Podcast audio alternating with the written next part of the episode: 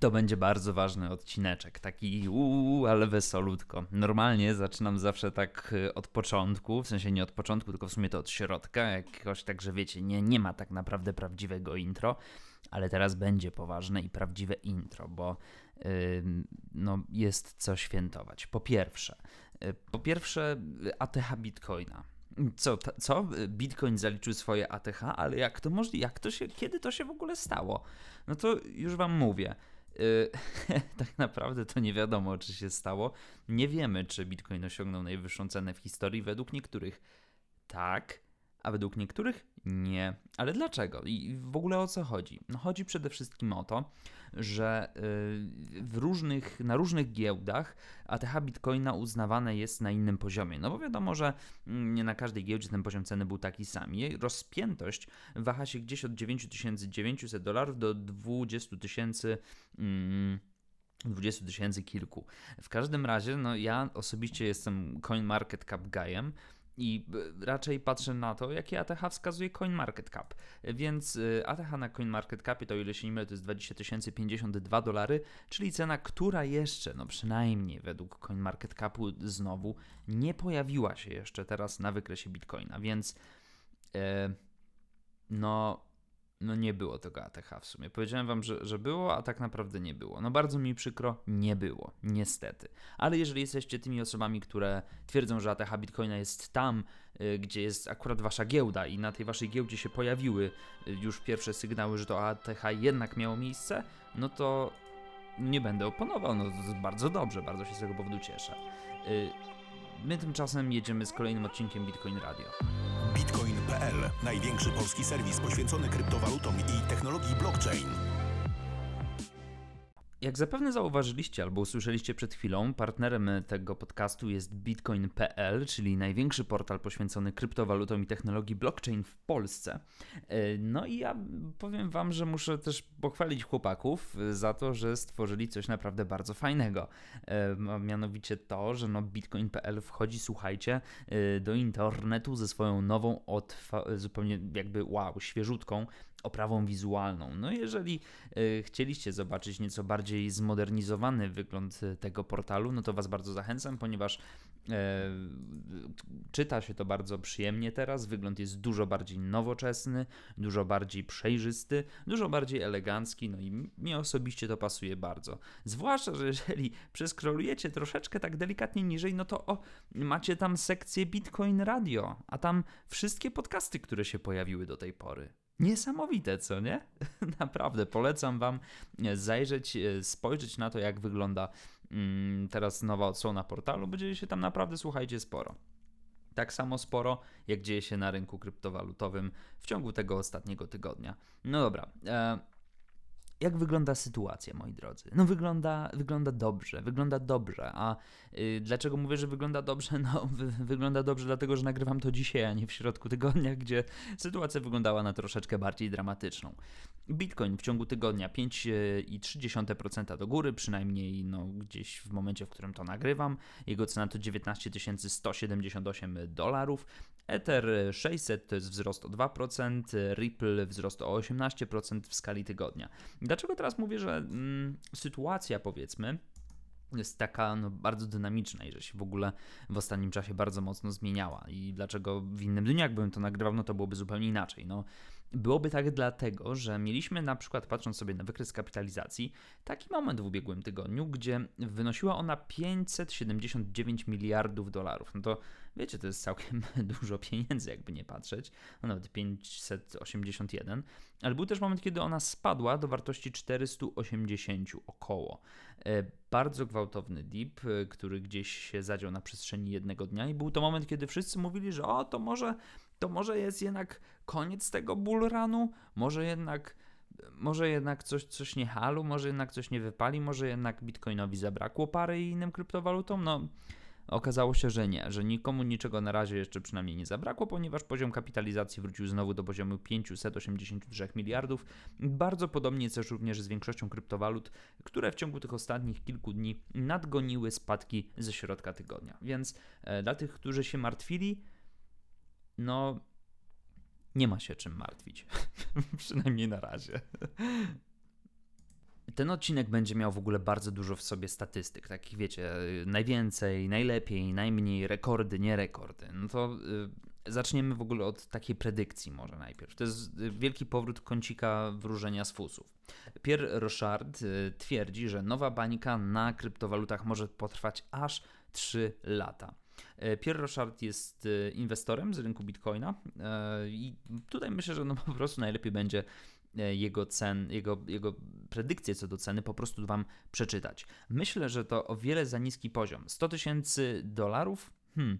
Mam na myśli to, że to tylko 5 razy więcej od tego pułapu, czyli od 20 tysięcy, na którym jesteśmy w zasadzie teraz. I myślę, że to nawet nie jest szczyt paraboliczny, jeśli spojrzeć na wykres. Jedna z moich teorii mówi, że ten cykl będzie dłuższy niż wszystkie minione cykle, a więc dojście na szczyt zajmie nam, na, zajmie, zajmie nam więcej czasu. Jest on zdania, że może będziemy mieć korektę na poziomie 100 tysięcy dolarów. Cena miałaby spaść do 80 tysięcy. Co jednak potem? No właśnie, co jednak potem? ostateczny y, wierzchołek jakby tego cyklu, największy szczyt powiedzmy, e, według Rocharda ma, słuchajcie, znaleźć się w jednym z trzech punktów, które on sobie tutaj typuje, czyli 200 tysięcy y, dolarów, 400 tysięcy dolarów lub nawet 6 tysięcy, 600 tysięcy dolarów. Y, więc podsumowując, nie wiadomo, ale prognozy są no, bardzo entuzjastyczne i wszyscy się bardzo cieszą i jeżeli ta bańka potrwa ze 3 lata, to tym, którzy dopiero przyszli, no to jeżeli chcecie sobie pana Rocharda posłuchać, no to no to to jest dobra wiadomość, bo się nie spóźniliście. Wiele ludzi mówi wam, że się spóźniliście, a on wam mówi, że się nie spóźniliście, bo to jeszcze ze 3 lata potrwa. A y, czy się spóźniliście naprawdę, czy nie, y, no to sobie ocencie sami, bo wiecie, jakby wszyscy wszystko wiedzą o kryptowalutach, wszyscy wszystko mówią o kryptowalutach, a jeżeli chodzi o to, kto co wie o kryptowalutach, to, no to jest już troszeczkę jakby inna historia, tak? Zupełnie inna historia. A propos tego, co kto wie o kryptowalutach, inwestowanie w bitcoina, na jakich ludzi uważać w internecie. E E, temat, który ja osobiście bardzo lubię, czyli to, w jaki sposób zachowują się ludzie na różnego rodzaju forach dyskusyjnych. Bardzo podoba mi się forum dyskusyjne e, Bitcoin Polska, na którym e, czasami trafiają się w momentach takich bardzo dużych wzrostów kryptowalutowych wiadomości, które są powiedzmy bardzo entuzjastyczne i mówią, że haha, rośnie, ale się cieszę, zarabiam pieniądze. O, spada, haha, ale super, wreszcie wyprzedaż, mogę sobie dokupić. Wiecie, nieważne co się dzieje, to jest super, to jest kolorowo, to jest pięknie, no tak, kolorowo, czerwono albo zielono. E, w każdym razie jest to bardzo obszerny artykuł na y, łamach bitcoin.pl, w którym możecie przeczytać. Mm, przeczytać właśnie o osobach, które potrafią dość mocno napsuć krwi, e, zwłaszcza początkującym inwestorom na rynku kryptowalutowym. Chodzi głównie o to, że jeżeli jesteś osobą nową i poszukujesz informacji na temat rynku kryptowalutowego, wejście na fora internetowe na Facebooku zwłaszcza, które są pełne ludzi, którzy uwielbiają dzielić się swoimi spostrzeżeniami na temat kryptowalut, ponieważ jeżeli ktoś kupił Bitcoina, wiecie, jakiś czas temu i on teraz zwiększył swoją cenę, no to ten ktoś, wiecie, uważa się za alfę i omegę w temacie kryptowalutowym, no to, to, muszę wam powiedzieć, że to nie jest dobry sposób na to, żeby pomnażać swój majątek. E, to nie jest dobry sposób na to, żeby w ogóle uczyć się o kryptowalutach, ponieważ ci ludzie za wiele wam nie powiedzą, a poza tym, że nie za wiele wam mogą powiedzieć najczęściej, to też jest jakby to, że no, sami się bardzo możecie zdezorientować i nie wiedzieć ostatecznie, co tak naprawdę zrobić, żeby wasze fundusze były bezpieczne.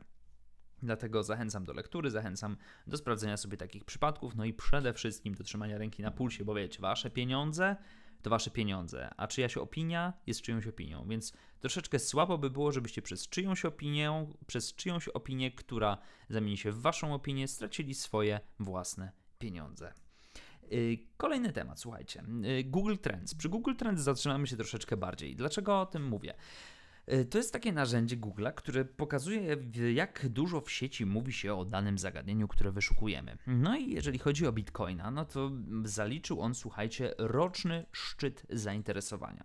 Jeżeli wejdziecie sobie na Google Trends i zobaczycie taką rozpiętość w ogóle na przestrzeni ostatnich pięciu lat, to zobaczycie yy, trzy bardzo wysokie kolce, w których Bitcoin zyskał bardzo duży rozgłos. I było to oczywiście związane z jego ostatnią bańką, było to związane z jego odbiciem się spektakularnym od dna i było to oczywiście związane z tym, jak w marcu stracił niemalże połowę swojej wartości, czy tam chyba nawet ponad połowę swojej wartości. Um, Teraz jest całkiem nieźle akurat, jeżeli sobie zerkniemy. Bitcoin odzyskuje popularność, natomiast to, co jest istotne, to to, że no, nie jest to absolutnie nie jest to taki sam poziom zainteresowania, jaki miał y, te kilka lat temu. To jesteśmy w zupełnie innym miejscu i to jest fascynujące, bo to się obserwuje aż z taką emocją, że czemu, jakby jesteśmy na podobnym poziomie. No i nikt się teraz tym nie interesuje. Dlaczego? Bo to już było? Ale co, i znowu teraz jak Bitcoin znowu poleci turbo do góry, to ludzie zaczną mówić, ale jakby co się stało? No, nie wiem, nie, nie mam pojęcia. Będą zdziwieni potem, że poleciał do góry, że ludzie znowu kupują i potem, że znowu spadnie. No, ale tej perspektywy myślę, że y, w ciągu tych paru lat się sporo rzeczy wydarzyło i że to jest kolejna powtórka i że teraz ta kolejna bańka, kolejna taka jest dużo wyższe od tego ostatniego, no to myślę, że to będzie mega zaskoczenie. Natomiast wiecie, żyjemy w czasach, które są bardzo niepewne, żyjemy w czasach, które są bardzo niestabilne. Nie chodzi o samą niepewność, ale też taką niestabilność. Nie wiadomo, co się wydarzy. Bitcoin sobie lubi robić to, co chce. Mm. No i są ludzie, którzy jakby potrafią grać w te gry i rozumieją tego typu zasady, a są tacy, którzy nie rozumieją. Porozmawiajmy teraz o Google Trends znowu, ale tym razem o Ripple, XRP znaczy się. XRP, moi drodzy, e, tym razem jest w nieco innej sytuacji, ponieważ według Google Trends już w zasadzie zyskało swoją maksymalną popularność e, z, z roku 2017. E, wręcz są osoby, takie jak analityk Timothy Peterson, którzy twierdzą, że Ripple tak naprawdę dopiero teraz się rozkręca. Muszę Wam powiedzieć, że jest to bardzo interesujący temat, ponieważ Ripple w ciągu ostatnich dwóch tygodni mega zaskoczyło inwestorów, gdzieś robiąc zyski tygodniowe na poziomie 150%. E, to jest y, token czy, czy kryptowaluta, która zawdzięcza teraz swoją popularność między innymi, między innymi temu, że e, że, że, że jest pewne wydarzenie zaplanowane na 12 grudnia związane z Flare Networks. E, także to, że Yy, jest to gdzieś też powiązane jakby z tym, że, że, że nastąpi airdrop tokenów Spark, które możemy otrzymać za to, że trzymamy Ripple. No i też jakby może po prostu Ripple jest uznawany tutaj za bardziej atrakcyjną, za bardziej atrakcyjny wybór w stosunku do na przykład takiego Bitcoina, który już jest duży i na którym prawda no, jest za późno, żeby w niego wejść. Więc to jest taka ciekawostka, ciekawostka zagwostka ode mnie. Jeżeli ktoś lubi, no to może sobie rozkminić.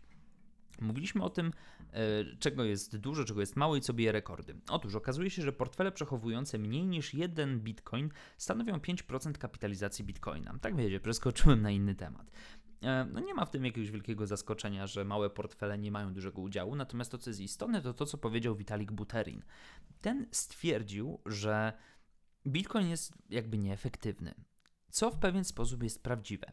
Jak spojrzycie sobie na jak spojrzycie sobie na czasy 2017 roku, opłaty transakcyjne wtedy potrafiły wynosić nawet 50 dolarów za przesyłanie bitcoina. Obecnie wynoszą one no, też całkiem sporo, bo są, dochodzą do kilku dolarów zdecydowanie. No.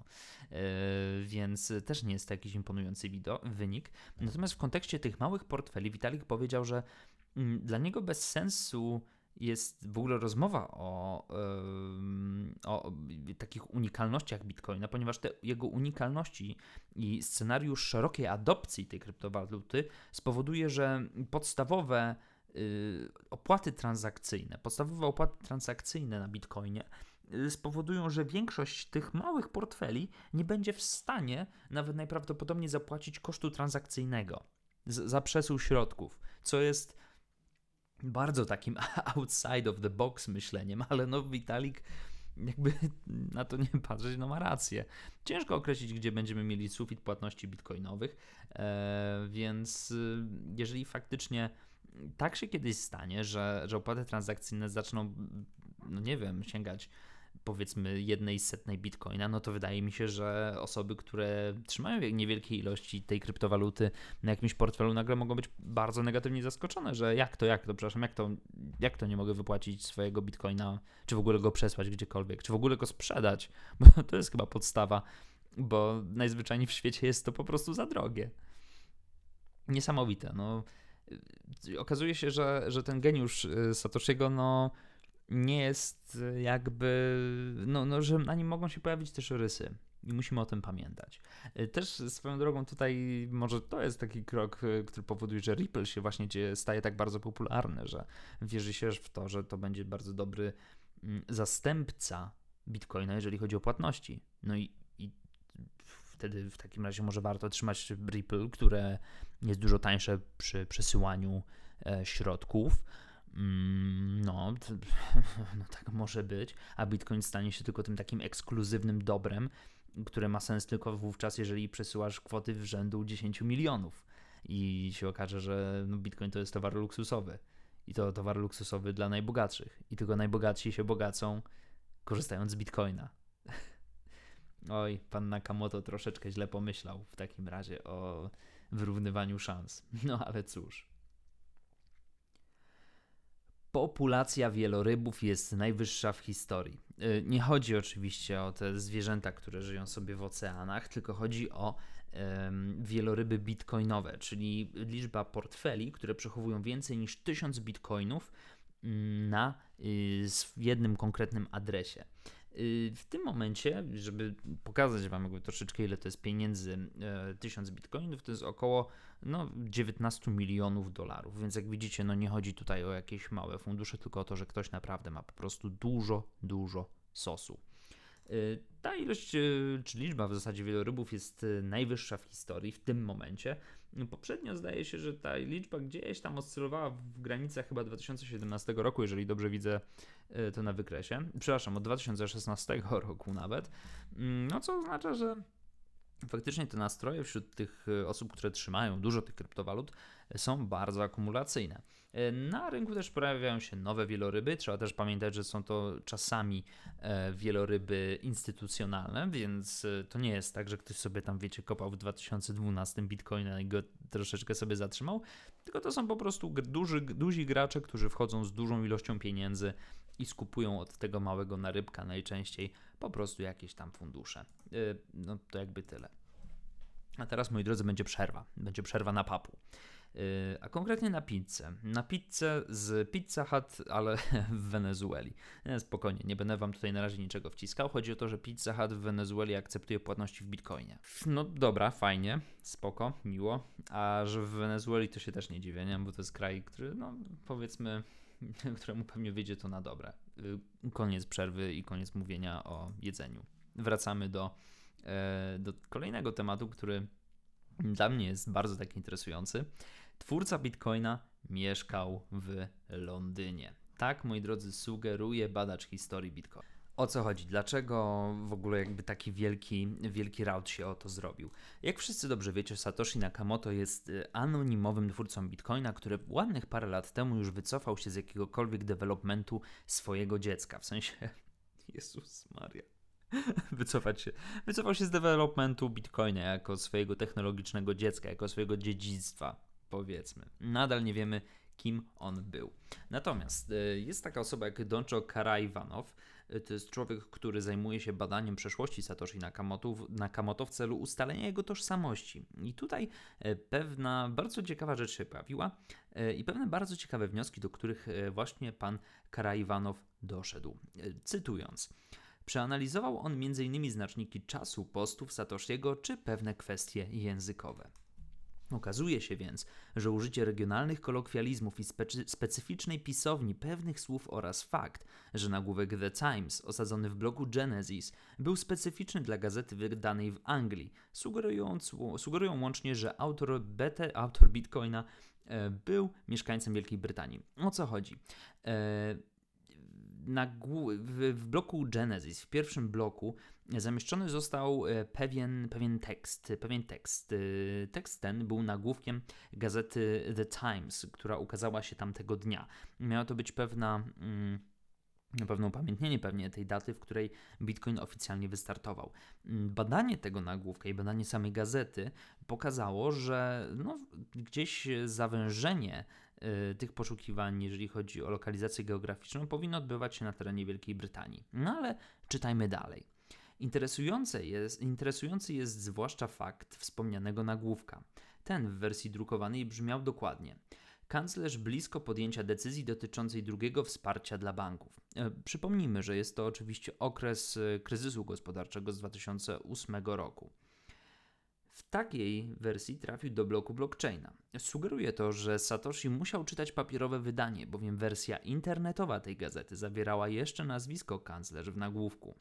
Wydanie amerykańskie z kolei w ogóle nie, nie zawierało takiej treści. Kara Iwanow przeanalizował też dane dotyczące czytelników Timesa z tego okresu. Te pokazują, że około 43% z nich mieszkało w Londynie. No właśnie, no to co? Słuchajcie, e, iście dziennikarskie śledztwo, można by powiedzieć. E, ta teoria wydaje mi się być całkiem y, prawdopodobna. Poza tym, że oczywiście można totalnie jakby się mylić e, i mógł to być jakiś wielki, przedziwaczny przypadek, e, ale no, są to całkiem solidne podwaliny, całkiem solidny jest to powód i mam pewnego rodzaju wrażenie, że Krajwanow no, odwalił tutaj całkiem dobrą robotę, która paradoksalnie, no wydaje mi się, nie jest jakąś wielką tajemnicą. No, te wszystkie elementy układanki są tak naprawdę wszystkim znane. I no, dobrze, że jest ktoś, kto stara się to wszystko wykopać. E, dodatkowo, słuchajcie, jeszcze jedna szybka informacja. Mm, Facebook znowu pracuje nad Libra. E, Libra, czyli nad swoim projektem poświęconym e, kryptowalucie. No i są, pojawiają się pewne tutaj pogłoski, że ma on się pojawić w 2021 roku, jednakże w pewnej zmienionej formie. Natomiast y, jaki będzie finał tej akcji, no to ciężko powiedzieć. Plus jest taki, że oczywiście potrwa to no, dwa miesiące maksymalnie, zanim się dowiemy, więc y, zobaczymy. Y, zobaczmy, poczekamy. Jeżeli Was temat Libra interesuje, to odsyłam Was do bitcoin.pl, bo myślę, że tam znajdziecie najbardziej odpowiednie informacje które Was będą po prostu ciekawić lub interesować. A ja bardzo serdecznie dziękuję Wam za bycie ze mną w kolejnym odcinku Bitcoin Radio. Mam nadzieję, że nie zapomnijcie odwiedzić bitcoin.pl i zobaczyć, jak ładnie teraz wygląda, bo bo wygląda ładnie, kurcze pieczone. No i mam nadzieję, że dacie znać, czy jakby już świętujecie all time high Bitcoin na najwyższą cenę w jego historii, czy jeszcze nie, czy się wstrzymujecie. No i przede wszystkim mam nadzieję, że trzymacie się bezpiecznie i ciepło, mimo tego, że na dworze jest całkiem zimno. Wszystkiego dobrego i e, no co,